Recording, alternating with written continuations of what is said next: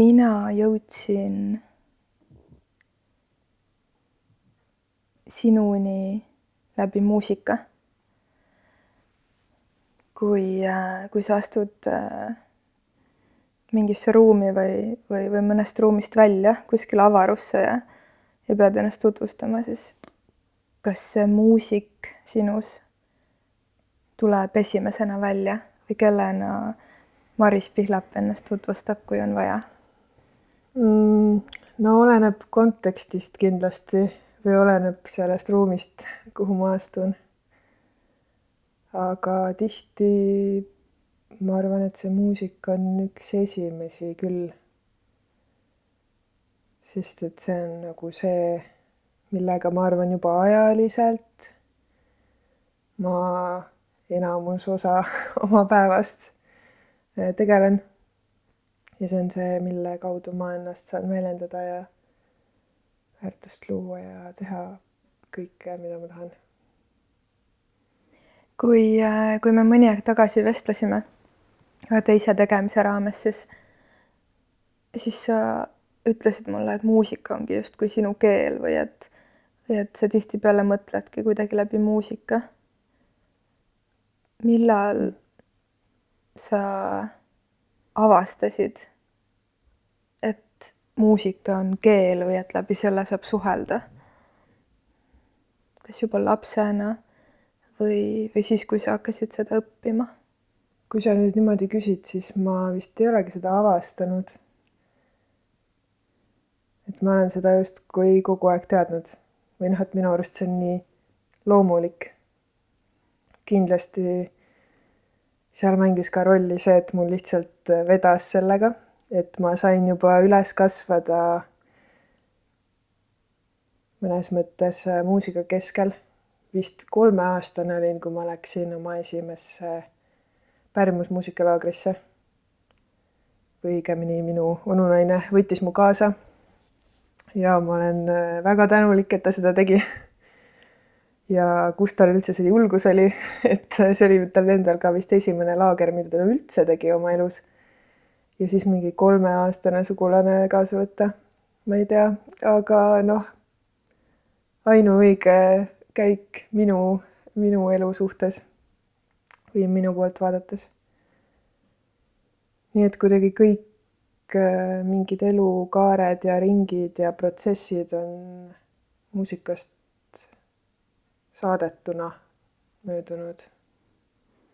Mis... ma mäletan kooli ajal ka nagu, ma ei arvestanud aastat kuidagi selle järgi näiteks, et et sügisel, septembris hakkab kool või et jaanuaris hakkab uus aasta, vaid et olid ikkagi, olidki alguses siis, kui muul ajal nii palju seda ei saanud, siis olid, olid need suved ja olid need laagrid, et vot siis tuleb jälle laager või ma ei tea, koolis oli mingi raske päev, siis mõtled, et ja suvel saan sinna laagrisse ja saan teistega koos pilli mängida ja et see oli nagu tõesti kogu aeg kuidagi olemas. mis see pärimus sinu jaoks tähendab või kuidas see pärimus on miski, mida sa siiamaani kaasas kannad läbi oma loomingu ja mul on tunne, et et seal on veel miskit, veel midagi sügavamat, mis sind kõnetab see on nii suur teema, et kust üldse hakata rääkima sellest. okei okay,, ma alustan siis sellest, mis see pärimus üldse on minu jaoks. ja mis ta, mis ta nagu ametlik definitsioon on, selle üle on vaieldud. ja minu teada ei olegi veel mingisugusele ühele järeldusele jõutud. aga pärimus ähm, minu jaoks peamiselt pärimusmuusika näol, Eesti pärimusmuusika näol, on siis täpselt see elu ja olu, mis on tulnud meie esivanematelt. mingid äh, laulud, mida on lauldud tuhat aastat tagasi siinsamas. ja selles on lihtsalt nii tohutult tarkust ja mingeid äh, vastuseid et see on kuidagi mingi, äh, minu jaoks on lihtsalt alati olnud sellise mingi allika või lättena olemas. et seal on äh, igasugused need teadmised või mingid, mingid avastused, mingid kogemused, mida keegi on mingi kaks tuhat aastat tagasi juba läbi teinud ja mina, olles siis oma noores täiskasvanu eas näiteks, õpin seda alles nüüd. Aga lihtsalt juba see teadmine, et kuskil on, on juba see taipamine olemas või keegi on, no keegi on raudselt kõik need asjad läbi elanud, mida mina praegu läbi elan. et see on nii lahe. et see ongi niisugune kuidagi mingi isikliku tähendusega allikas või. ja minu jaoks see aitab äh, mõnusasti oma identiteeti ka leida ülejäänud maailma virvarris ja kontrastides. et äh, Eesti pärimus ja noh, eriti, eriti lahe on nagu enda kodukohtadest või enda vanavanemate kodukohtadest äh, otsida ja leida mingeid asju.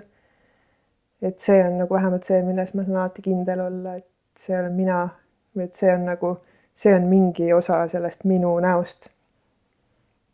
Et kui kõik muu võib vahepeal täiega kaduma minna. et jah, mingi identiteedi osa. ja lihtsalt kuna ma muidugi seda kõigil nendel olulistel hetkedel kuulsin ja mitte ainult ei kuulnud, ähm, vaid ka laulsin ja õppisin selle kohta ja siis, siis ta on lihtsalt mul ilmselt nii alateadvuses sees. Et nüüd kõik, mida ma teen, lihtsalt on kuidagi seal, seal on see maik nagu juures. et isegi kui ma nüüd lihtsalt oma lugusid või mingeid uusi lugusid kirjutan, siis äh, ega ma ei tee üldse meelega mingi enamasti niisugust otsust, et nii, nüüd ma teen pärimusmuusikat või nüüd ma panen siia mingi selle elemendi sisse selleks, et saaksin folgile ka esinema. aga et lihtsalt, lihtsalt see tuleb nagu, et minu ideed on juba äh, ilmselt sealt nagu kuidagi pärit või sellest keelest, nendest kõladest. kui sa mõtled pisikese Marise peale, siis äh, kas sa mäletad mingit hetke ka, kus ta pärimusmuusikaga niimoodi tutvus, et ta mäletab ühte mingit pala või lugu või viisijuppi või kordusfraasi.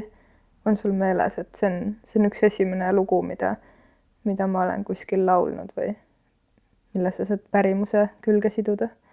ma ei mäleta, mis oli esimene lugu, mida ma õppisin või laulsin. aga ma mäletan, mis oli esimene lugu, mis ma ise tegin mis oli niimoodi, mul ei ole õrna aimu, kui ma olin äkki mingi viieaastane aga, aga et hästi väike ühesõnaga ja ma olin äh, maal, mul oli kannel süles, väike kuuekeelne kannel. ja siis seal peal ma lihtsalt tegin mingi äh, viisijupi. mäletad seda viisi? Äh, ma mäletan seda ja. ja ka aga sihuke, ma ei ole seda kunagi isegi laulnud vist. Aga noh, sihuke väike, vaata kandla peal on alati hästi turvaline mängida, et seal ei saa väga midagi valesti teha, ainult paar nooti. see oli mingi sihuke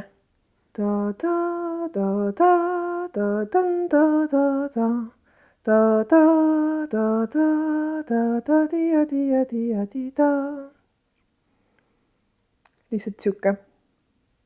kõik keeled panin kohe mängu, kõik need kuus tükki, mis seal oli ja ma ei tea, kuidagi see on siiamaani meeles, siis kui ma muusikakooli läksin ja õppisin nooti kirjutama, siis ma panin selle muidugi kirja ka, et, et kaduma ei läheks. aga siis järgmise loo ma tegin mingi kümme aastat hiljem vist kuskilt, kuskilt see tuli meie vestlustest on palju läbi käinud see pärimusa laager. mis laager see selline on, et see ühte inimest nagu sina ja, ja ma saan aru ka, et väga paljusid teisi äh, mõjutab või muudab mm? -hmm. see on selline pärimuse laager, mm, mille kunagine nimi oli vist Raplamaa laste ja noorte pärimusmuusika laager või midagi sellist, mille noh, põhiline eksisteerimise point ongi see, et, et lapsed ja noored saavad kõik sinna tulla ja pärimusmuusikat õppida. saad ise valida, mis pilli, kuidas, kelle juures mm alati, iga aasta on veidi erinevad õpetajad. Aga mis selle hästi eriliseks teeb ja mis seda teistest sellistest muusikalaagritest eristab, on esiteks see mingi üleüldine hoituse tunne, mis võib-olla tuleb näiteks sellest, et äh, niikaua, kui mina mäletan, võib-olla juba algusest peale Mm, on meil alati olnud niisugune tore perede süsteem seal. Et äh, ei ole lihtsalt, et laagrilised ja õpetajad, vaid alati suuremad osalejad on võtnud äh, väiksemad enda tiiva alla. esimesel päeval siis äh, äh, mina olen kõik need faasid erinevas vanuses läbi teinud. esimesel päeval on hästi põnev, sa tead, kelle peres mina see aasta olen et kes hakkab minule unejuttu lugema ja küsib, kas mul on hambad pestud ja kes äh, mind ujuma viib, kui ma tahan minna ja kellelt küsida, kas ma võin poodi minna. Äh, ja siis alati noh, alati tekkisid sellised väiksed nagu pered ja väikesed grupid ka nagu. ja suurem vanemana, siis see vanem olla ka sihuke esimene vastutuse kogemus on väga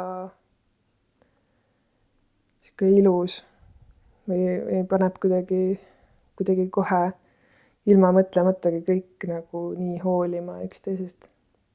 Ja alati minu arust on seal olnud ka lihtsalt mõni, mõni tark või et ongi eraldi inimene, kelle ülesanne laagris ongi lihtsalt äh, olla olemas, võib-olla rääkida muinasjutte või mm, märgata nende väikeste lapsekeste äh, olekus või mõtetes midagi ja pakkuda seda, mis neil äh, vaja oleks. Äh, ma ei oskagi nimetada seda ametit. aga et alati on olnud mõni selline inimene, kes lihtsalt oskab väga hästi hoida. ja ma ei teagi, mis maagia see on, aga sealt on kuidagi nüüd kõigi nende aastate jooksul see, see suvi vist sai kakskümmend korda täis, kakskümmend aastat. et selle aja jooksul on sealt ikkagi juba mitu põlvkonda lapsi välja kasvanud, suureks kasvanud ja paljud isegi mitte selles mõttes välja kasvanud, et ära läinud, vaid et tulnud siis õpetajatena tagasi või vabatahtlikuks või, või niisama külla et midagi, midagi seal on jah, et, et kõik, kes satuvad kuidagi enam ära ei taha minna ja tulevad tagasi. kas sa arvad, et see on olnud üks, üks suuri mõjutajaid aastast aastasse, miks sa, miks sa Viljandisse läksid õppima ka? või, või miks sa Viljandisse jõudsid? kindlasti, kindlasti. et üks oligi see, mis ma sealt laagritest sain noh, sealt ma leidsin endale juba nii palju eeskujusid õpetajates, kes äh, väga paljud olid ka Viljandi kooli läbi käinud. Ja samamoodi Margit Kuhi, selle laagri ema ja hing ja vaim ja looja ja juht. Mm.. tema ise ka õppis kunagi Viljandis. Ja ta oli noh, täiega eeskujuks mulle. et lihtsalt ma arvan, siis kui see gümnaasiumi lõpuaeg tuli ja kõik hakkasid vaikselt mõtlema, et no mina ei tea, mis kooli sina lähed, mis kooli tema läheb, ei tea, ei tea, et selleks ajaks mul kuidagi, mul ei olnud küsimustki. ma ei, ma ei proovinud isegi kuskile mujale. et ma nagu isegi kuidagi ei kahelnud, et või, või ma ei arvestanud selle võimalusega, et ma ei tea, et ma ei saa sisse või midagi et lihtsalt kuidagi pidin minema. mis äh, aega see Viljandi tähistab, kui sa mõtled täna selle muusikuna, kes sa oled, kuidas see sind vormis või, või mida sa seal avastasid enda juures uut või, või kui palju üks, üks kool mm, loob võimalusi, et ennast avastada. Ja samas võib-olla hoopis äh, kuidagi mõni kool tahaks öelda, võtab isegi ära mingisuguseid eripärasid, mis inimesele antud on. mis see sinu lugu on? kolledžiga Viljandis? minu suhe Viljandi kui kooliga, ehk siis Kultuuriakadeemiast rääkides. noh, see on selline magus-valus või või, või, või mõru-magus või ei teagi. Et ikka päris, päris äh, halvaks läksid lood lõpuks, kui ma pean nüüd hästi ausalt ütlema. Mm.. et ma ei ole ka seda kunagi varjanud või ma ei ole häbenenud seda öelda, et ma tulingi sealt ära, ma ei lõpetanud seal kooli. Mul oli lõpuks äh, pool aastat jäänud ja võtsin paberid välja. sest et kuidagi ei näe, või noh, ma ei näinud muud varianti enam. aga samas need asjad, mis seal, seal nagu ette jäid või takistuseks osutusid, noh, et tegelikult oli see, noh, need ei ole üldsegi võib-olla olulised minu nagu, minu kui muusiku mõttes, et lihtsalt seal olid mingid muud Mm, muud probleemid. ja siis alati, kui keegi on nagu küsinud, et mis see Viljandi kool sulle andis või et ma ei tea, et kas sa soovitaks mul ka minna sinna, siis ma tegelikult ei oska öelda. et ma kindlasti õppisin hästi palju selle aja jooksul. ja see tegi mind selliseks, nagu ma olen, aga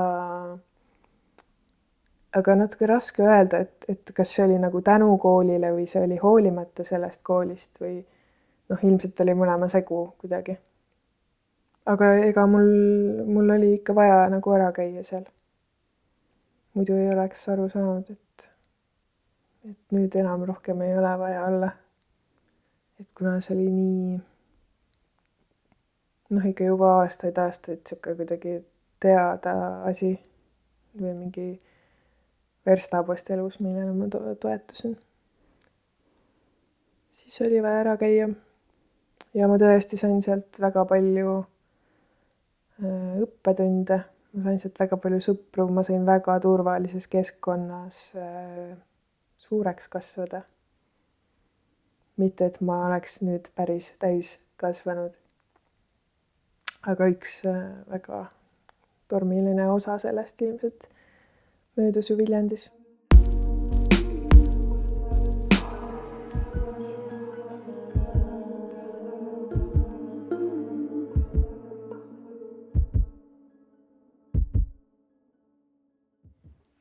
Vana sa täna oled? täna ma olen kakskümmend viis. ja millal sa esimest korda hakkasid mingeid selliseid palu kirjutama, mida sa välja ka oled andnud või, või, või saatnud oma sahtlist? no ma vaikselt hakkasin gümnaasiumi ajal vist äh, nokitsema. et ma noh, muusikakoolis käisin mingi esimesest klassist peale juba, aga et siis kõigepealt ma ikkagi mängisin teiste, teiste inimeste muusikat. eks sellest me alustamegi alati. Äh, aga siis võttis aastaid, et tekiks see, äh, tekiks see kihk ja ka julgus üldsegi mõelda, et ma võin ise ka nagu luua peale selle ühe loo, mis ma viieaastasena tegin, veel midagi siia maailma. ja siis gümnaasiumis tekkisid mingid toredad võimalused või impulsid selleks. kõigepealt minu sõprade sahtlisse kirjutatud tekstide näol, millest mul oli rõõm äh, osa saada. ja mida nii mõnedki lubasid mul kasutada ja viisistada. Ja sealt kuidagi avanes minu jaoks äh, ka peale heliloomingu siis äh, spetsiifilisemalt just see laulumaailm ja sõna ja muusika ühendamine. mäletan, et äh, kümnendas klassis ühe valikainena ma võtsin Tõnis Rätsepa kõneõpetuse ja sealt ma arvan, ma sain esimesed õppetunnid äh, laulu kirjutamise kohta täiesti kogemata. aga tõesti need, ähm, need kõige esimesed ja kõige nii-öelda lihtsamad äh, põhimõtted või asjad, mida silmas pidada teksti esitamisel. Äh, ma proovisin kohe panna nagu ka selle esitamisesse mingis viisis või muusikas. ja et alguses äh, vist võtsingi seda äh, rohkem nagu eksperimendina. et nii, et mul ongi näiteks mingi luuletus siin. ja ei hakka kuidagi lihtsalt, ma ei tea, mingi suvalise enne tehtud muusikalise asjaga seda kokku proovima lükata vaid et lihtsalt ma loen seda kõigepealt. ja siis äh, seda lugedes äh, valju häälega enamasti, siis kuidagi tihti tuleb juba välja mingi muster, mingid rütmid või mingi tunne vähemalt tekib, et, et mida see, mida see tekst tahab või kus ta tahaks olla või kas ta üldse tahab lauluks minna nii et äh, jah, alguses ma alustasin selliste äh, ilusate rahulike laulukestega. siis meil oli minu kõige esimene bänd äh, üldse äh, oli Heade aegade trio, mis ei jõudnud äh, väga kaugele, et äh, meil vist äh, päriselt salvestatud saigi üks lugu mm,. ka niimoodi pigem enda jaoks ja võib-olla mingi paar-kolm kontserti andsime, aga hästi armas äh, koosseis mulle. vot ja siis äh, sealt edasi Viljandisse minnes tegin juba veel mõne loo ja panin natuke suurema bändi kokku ja ja sealt see kuidagi läks ja võttis äh, veel rohkemaid vorme aga ma olen alati ikkagi kandnud kaasas endaga neid esimesi õppetunde, mis ma sain, neid esimesi luuletusi lugedes endale. et sealt võib-olla tekkis mingi nägemus, et mida mingi sõna tahab muusikaliselt. ja et nüüd mul on võimalik ka teistpidi sellele läheneda ja võib-olla tulla nagu mingi viisi seest või mingi käigu seest või mingi harmoonia seest. ja siis mõelda see sõna välja või see tekst välja, mis seal on. aga et nad oleks ikkagi hästi nagu seotud ja põhjendatud mõlemat pidi, kõige olemasolek. kas sa saad öelda, et, et see muusika, mida sa lood, mahub kuidagi mingi ühe sõna või ühe teema alla? Võib-olla haavatavus, vähemalt viimase paari aasta jooksul. see on nagu hästi läbiv teema olnud. et äh, kuidagi mul ei ole kunagi olnud probleemi jagada või hästi ausalt kirjeldada mingeid isikliku elu olukordi ka oma lauludes. ja mingil hetkel see võib tunduda nagu kuidagi naiivne või ohtlik. et oot, et kuidas ma nagu või noh, et igaüks võib mingi minna Spotify'sse ja lihtsalt äh, lugeda sealt maha või mingi kuulata lihtsalt nagu, mis, mis ma mingil hetkel olen mõelnud või teinud. aga siiani see on ikkagi ennast ära tasunud et see ei ole mulle kuidagi äh, kätte maksnud või liiga teinud. vaid et äh, pigem on olnud võimalik siis inimestel leida, et on keegi samade kogemustega võib-olla või samastuda. ja läbi selle praegu ma enda rolli muusikas võib-olla näengi kõige rohkem nagu selle mingi poina kuskil meres, kes on igasuguseid asju läbi teinud, igasuguseid mõtteid mõelnud. ja igast sügavikes olnud vahepeal, aga nüüdseks mingid praegused ringid on nagu täis saanud ja ma olen ka paljudest asjadest kuidagi võitjana väljunud või terveks saanud. aga ühesõnaga, et ma pean hästi oluliseks rääkida nendest, nendest mõtetest, mida võib-olla esimese hooga ei julgeks või ei tahaks jagada. Et väljendadagi oma mingit nukrust või pettumusi ja igatsusi ja lihtsalt kurvameelsust või hirmu või pessimismi Äh, sest et kui mitte keegi ei ütleks, et neil niisugune tunne on, siis kõik inimesed ju arvaksid, et nad on ainsad või et nad on üksi sellega.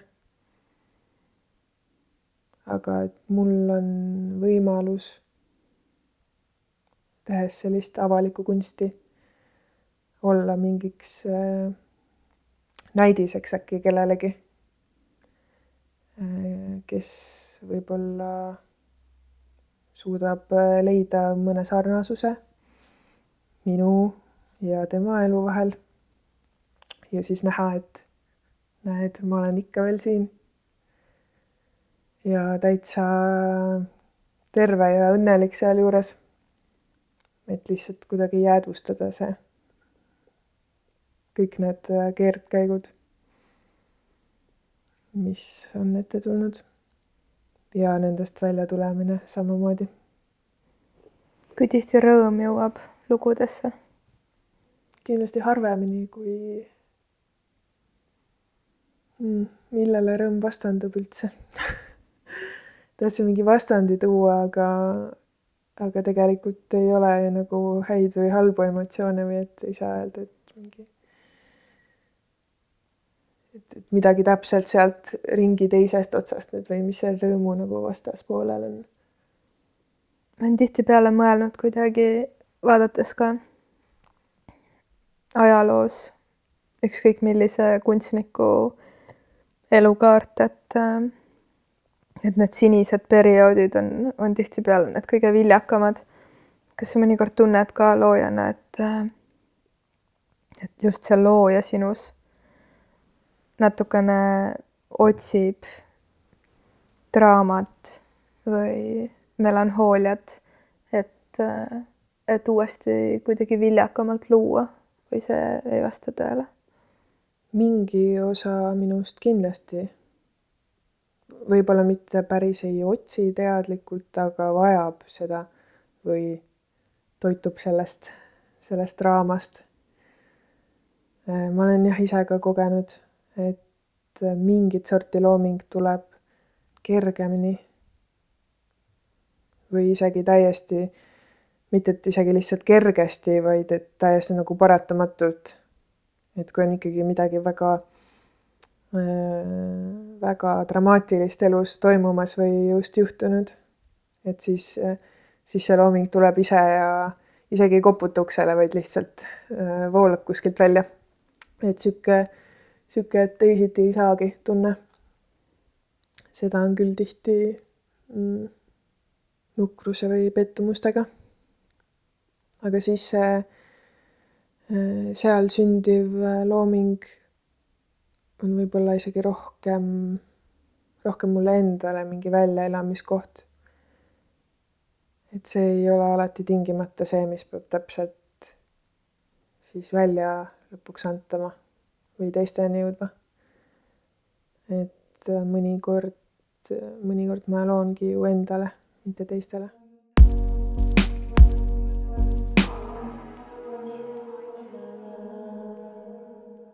mis sa tunned, kui palju üleüldiselt äh, see, kus maailma muusika parasjagu on, mida iganes see tähendab, mõjutab seda loomingut, mida sina teed. et kui palju mingid trendid või käigud või, või mingid mustrid, mis, mis voogavad üle kontinentide, mõjutavad sinu loomingut või sa pigem kuidagi ajad mingit oma rida mm.? ma enda puhul isegi ei oskaks võib-olla vastandada neid kahte varianti, vaid et mulle tundub, et, et ma teen mõlemat täpselt et seda ma olen küll täheldanud, et, et ma kindlasti nagu lasen ennast mõjutada teiste muusikal või sellel, mida ma kuulen. et ma ei ole, ma ei ole üldse see, see looja, kes, kes tunneks mingit vajadust näiteks teiste muusikat mitte üldse kuulata, kui ma enda albumit teen.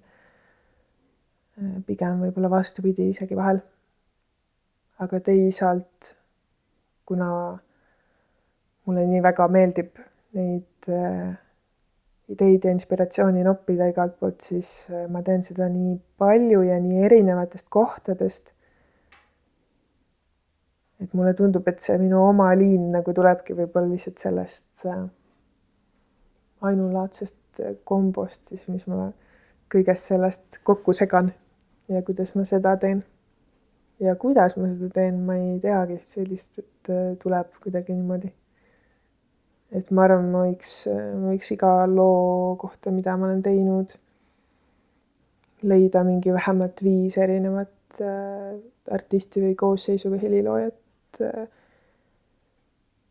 tänu kellele mul on need ideed tulnud. ja teisalt ei saaks nagu ühtegi lugu nagu kuidagi mingisse ühte kasti panna, et see on selles stiilis ja see on selles stiilis. et kuidagi sihuke megamiks. ja ma arvan, et äh, tänapäeval pärimusmuusikat tehes see on üks äh, ainukesi lähenemisi, mida saab äh, mida saab võtta. et see pärimus äh, mitte ainult ei säiliks kuskil arhiivides, vaid elaks edasi jätkusuutlikult ja rikkalikult. et sealt, sellest äh, inspiratsiooni ammutades nüüd ma enam nii teadlikult nagu mingeid pärimustöötluseid näiteks isegi ei tee aga sealt on ilmselt see suhtumine ka tulnud, et ma võtan selle mingi kombe või asja või idee ja ma teen sellest nüüd mingi oma asja. ja nii on nagu mul äkki ka mingi ühendus mingi koha või mingite inimestega kuidagi otsesem. seda pärimusmuusikat või, või kuidagi pärimusmotiivi on viimaste aastate jooksul päris palju kasutatud Eesti popmuusikas ka mm.. mis äh, ma tean, et, et kuidagi, mida iganes tähendab pärimus seltskonnas aga on ka erinevad arusaamad või, või kuidagi tõekspidamised selles osas, et kuidas kasutada materjali, mis on sadu aastaid tagasi kuskil salve, salve lauldud. mis sina sinu seisukoht selles osas on, et, et võtta kuskilt kellegi vana-vana, vanaema mingisugune, ma isegi ei tea, mingisugune salvestis ja panna sinna mingi tümm alla ja lasta raadiotesse. ma ütlesin seda küll mingi maigulisena, aga, aga ma pigem tahaks öelda neutraalsena selle lauale et mis tundeid see tekitab või, või, või, või kui hea tava see on või kas üldse saab sellest nõnda rääkida Mm, minu arust see on väga hea, et niimoodi üldse tehakse, et niimoodi julgetakse teha. kindlasti, kindlasti seda annab teha ka nagu halvasti.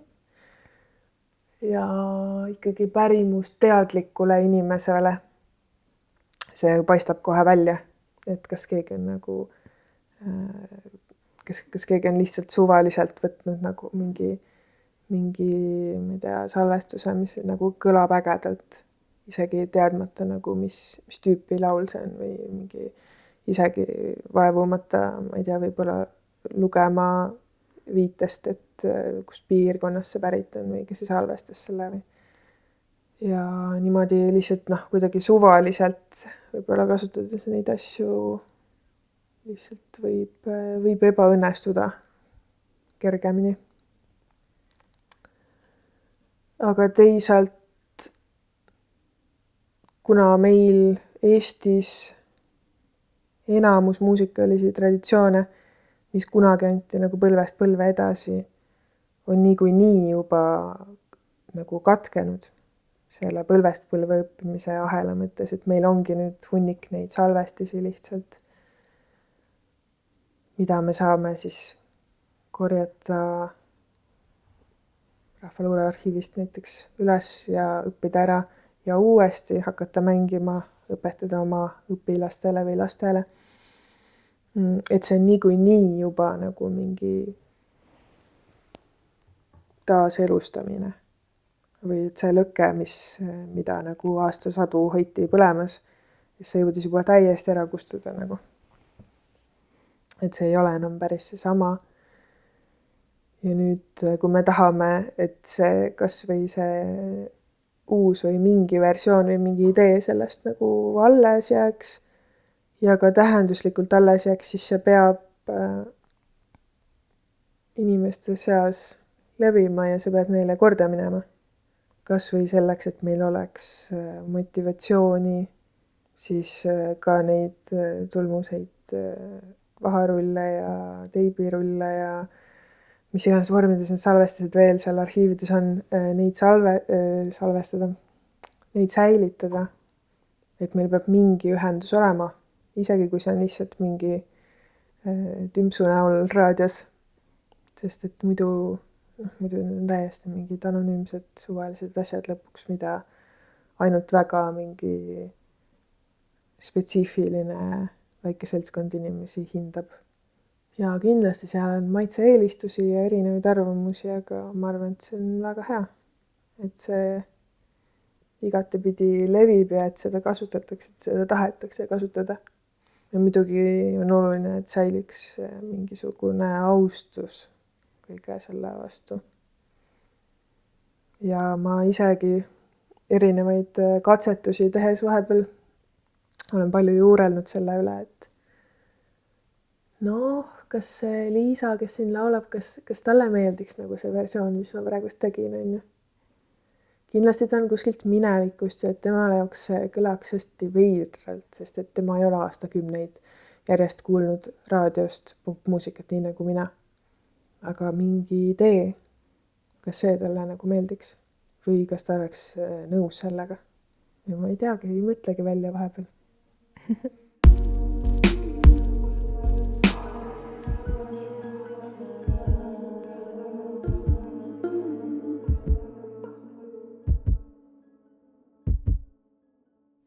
me räägime armastusest, siis äh, kui palju armastust on sinu muusikas?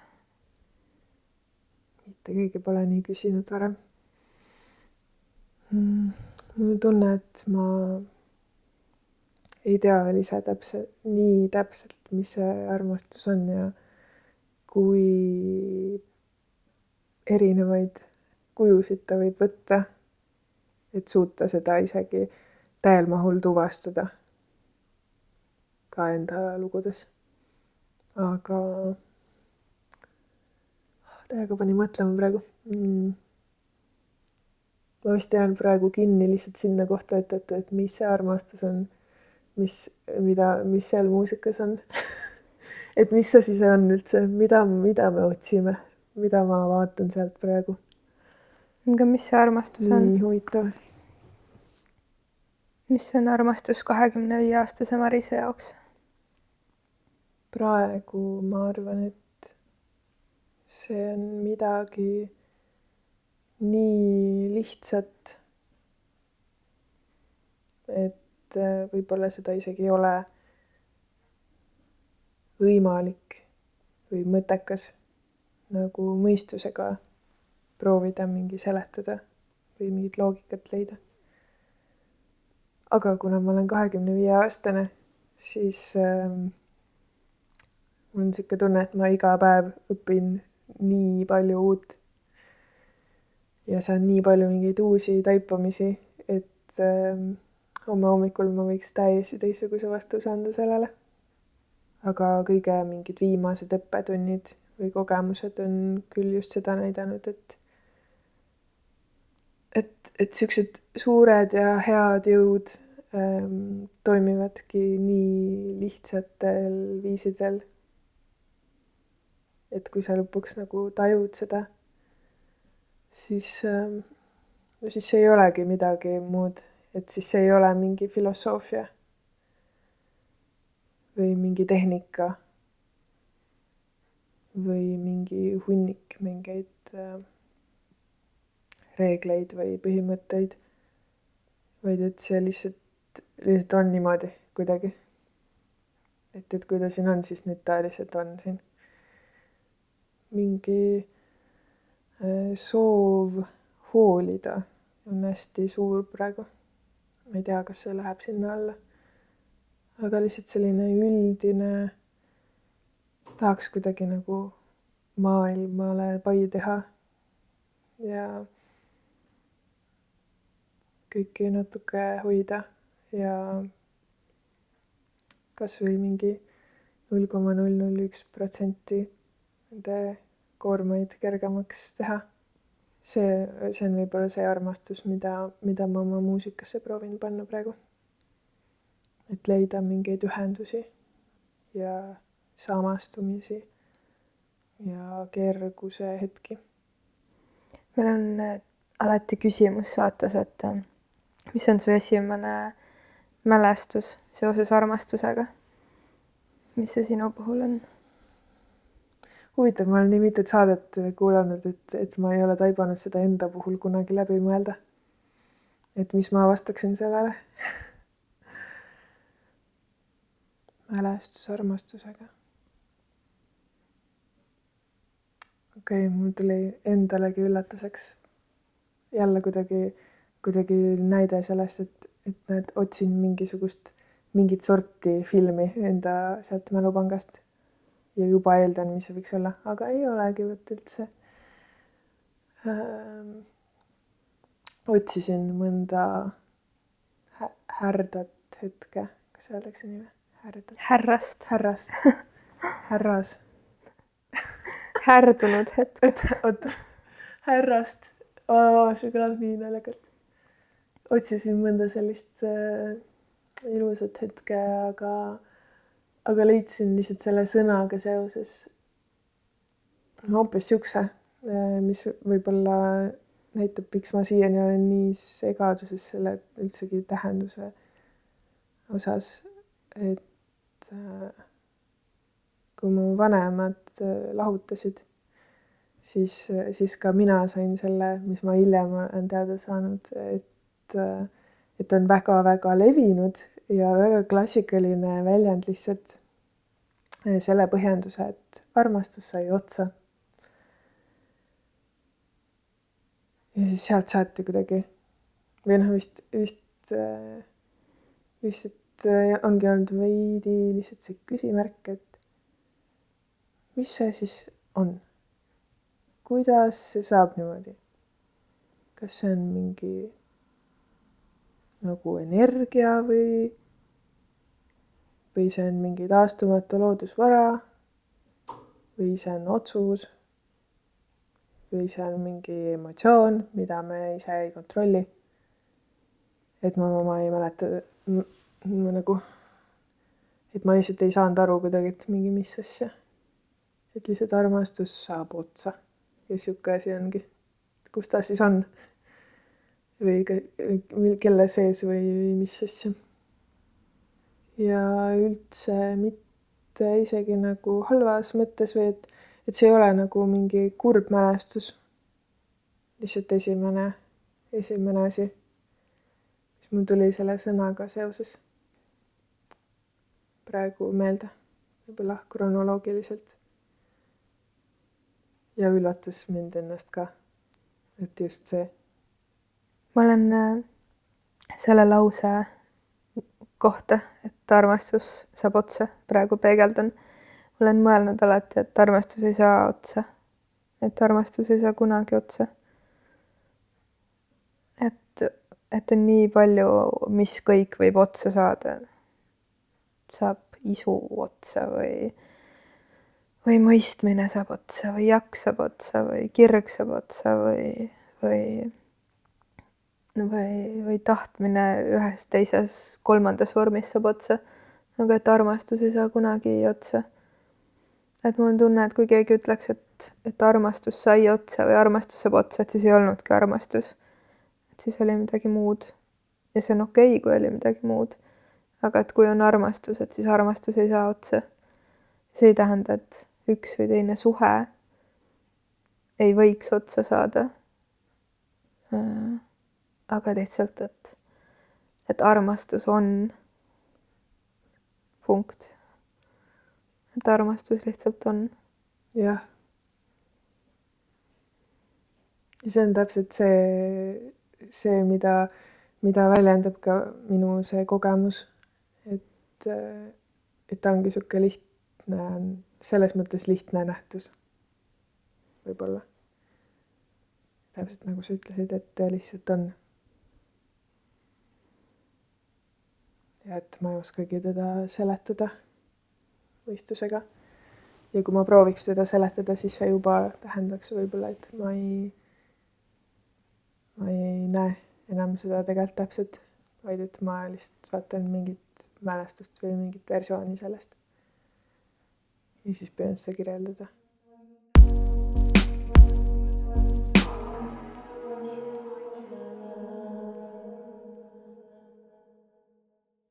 Sa teed tööd praegu uue albumiga mm. -hmm. millest see räägib? see algas mõtteliselt kuidagi, kuidagi hästi orgaaniliselt minu esimese sooloplaadi, mis oli selline lühi, lühialbumikene, kuidagi selle mõttelise nagu jätkuna, kust äh, tuli hästi pinnale see haavatavus ja nukruse eluterve jagamine. Aga nüüd, kuna ma olen seda nii kaua teinud, noh, mitte ülikaua ühe albumi kohta, ega albumit võib ka aastaid teha, aga lihtsalt nii palju on juhtunud vahepeal ja ma olen nii palju õppinud ja muutunud selle aja jooksul mm,. siis on ka see plaadike ise kuidagi nagu kuju muutnud natukene et äh, meil hiljuti siin olid ka teiste tiimiliikmetega juba arutlused, et mina, mina juba tulin mingi mõttega, et kuulge, tahaks, ma tahaks pealkirja ära muuta. Et ma ei taha, et see oleks nii nagu raskemeelne. et, et kuidagi viia nagu, ma ei tea, rõhk mujale natuke sest et ma ise olen, minu enda rõhk on mujal natuke juba. aga siis, siis kuidagi see jõudis selle järelduseni, et aga võib-olla jätame kõik selle sinna. et võib-olla võikski lihtsalt siis jagada seda muutumist ajas. ja kõik ei ole sugugi mitte veel päris valmis, nii et äh, natuke paistab, kuidas see lõpuks siis väljendub. aga ma olen otsustanud, et ma jätan endale seal nagu siis vabaduse näidata seda protsessi, mitte üritada võib-olla püüelda mingi nii väga täiuslikkuse poole, kui et äh, lihtsalt näidata, näidatagi neid erinevaid hetki ja neid ümbermõtlemisi ja kätevärinat ja mingeid küsimusi ja mingeid vastuseid ja, niimoodi, et lihtsalt mingil hetkel peab, peab kuidagi, kui, kui tahta üks plaat valmis saada, siis, siis peab otsustama, et nii, siit nagu läheb nüüd mingi, ma ei tea, vahe, mingi uks korra mm.. ja selle aja ma jäädvustan, see on see album. ja et kindlasti lõpuni, lõpuni välja nagu tuleb, tuleb nagu tohutult palju uusi ideid. aga et see jääb praegu, praegu siis siia sellesse veidrasse aega. ja ma ise nagu alles, alles täiega otsin neid seoseid ja mingeid viise, kuidas ma saaks ähm,, kuidas ma saaks oma muusikaga olla rohkem toeks ja luua seda, seda ruumi inimestes eneses, mis, mis, mis, mis võimaldaks neil endal siis terveneda kõigest, millest neil on vaja terveneda. või jõuda oma lahendusteni. et teha kuidagi enamat kui lihtsalt, kui lihtsalt võib-olla öelda, et et äh, minul oli täpselt see ja see mure ja mina läksin sinna, küsisin selle ja sain selle lahenduse. Vaid et pigem edastada seda tunnet või mitte isegi tunnet, aga, aga lihtsalt neid kogemusi. neid hetki, kus ma olen olnud samamoodi nagu see tänane salvestus. Äh, mulle tundub, on hästi nagu lihtsalt ühe hetke äh, jäädvustus. et ei ole midagi, mis, äh, mida ma praegu oskaks öelda, mis on, milles ma olen kindel või, või mida ma tean. mis sa praeguses hetkes, isegi kui midagi pole kindlat, endalt küsiksid siia selle kohtumise lõppu mis ma endalt küsiksin. Kas niimoodi, et ma vastan ka sellele või, või kuidas, mis mõttes ma küsiksin? Tahaks küll jah küsida, tahaks küll küsida ja vastata, aga sinu vormis, ilma minuta.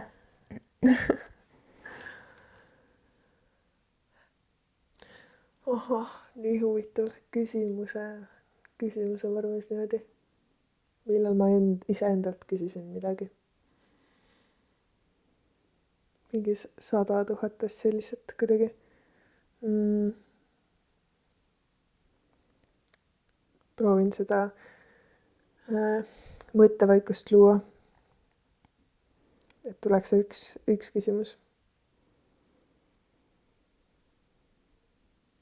palju vastuseid on, mida tahaks jagada ja mitte küsimusi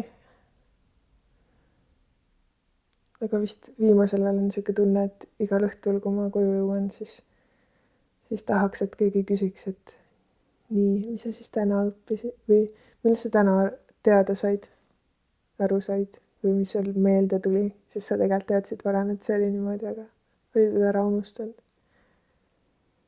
et iga päev on mingisuguseid ähm, avastusi meeletult, meeletult palju. kui sa ütled, et äh, et sa tahad, et äh, keegi küsiks, mis sa täna avastasid, siis mis on olnud täna su suurim avastus, mida sa õppisid, millest sa aru said mm,? vot need on need asjad, mida mida kuidagi mm, kui sa oled ka vist paar korda öelnud, et, et, et ma üldsegi ei öelnud nagu seda kuidagi eh, teadmisega, et või eeldusega, et sina mult seda nüüd küsid, sest et ma pean korra kohe mõtlema korra sellele vastusele.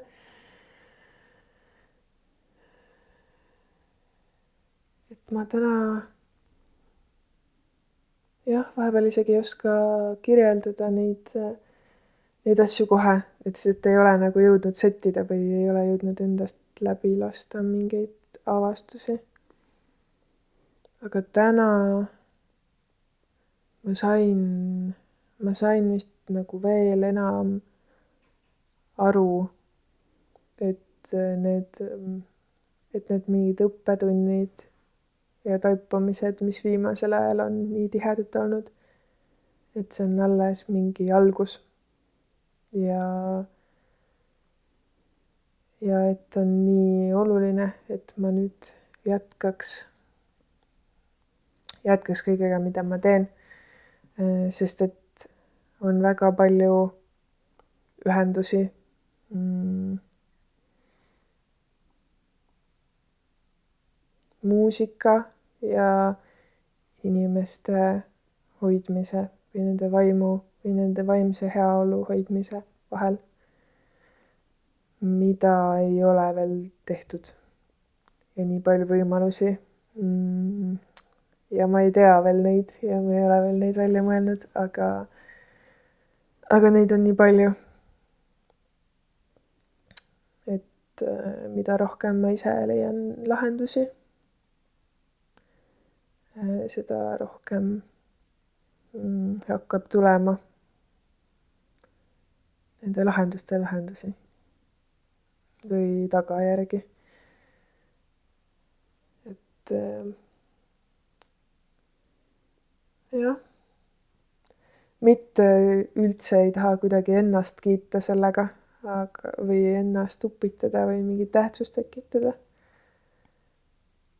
aga sihuke tunne tekkis täna täiega, et see on alles algus nagu. et üks album on ka nagu suur asi. aga see on ikkagi üks album ainult ja et on mingid asjad, mida ma saan oma võimetega, oma oskustega teha. Äh, ma meelega ei öelnud praegu muusika, sest et võib-olla see ei olegi ainult muusika. Äh, mida saan teha. Äh, mida veel ei ole. ilus, ilus koht, millega lõpetada, jätab ruumi võimalikkustele aitäh sulle selle väikse sissevaate eest ühte hetke. ja nii mõnusalt äh, kuidagi andes aega sulle äh, ja usaldades seda ajastust äh,, ootan, ootan, et kuulata su loomingut ja, ja et vaadata, kuidas sa seda maailmaga jagad. aitäh, et sa teed seda, mis sa teed. nii tore. ja aitäh, et järgmistel hetkedel, kui kohtume, siis rulluvad lahti juba uued lood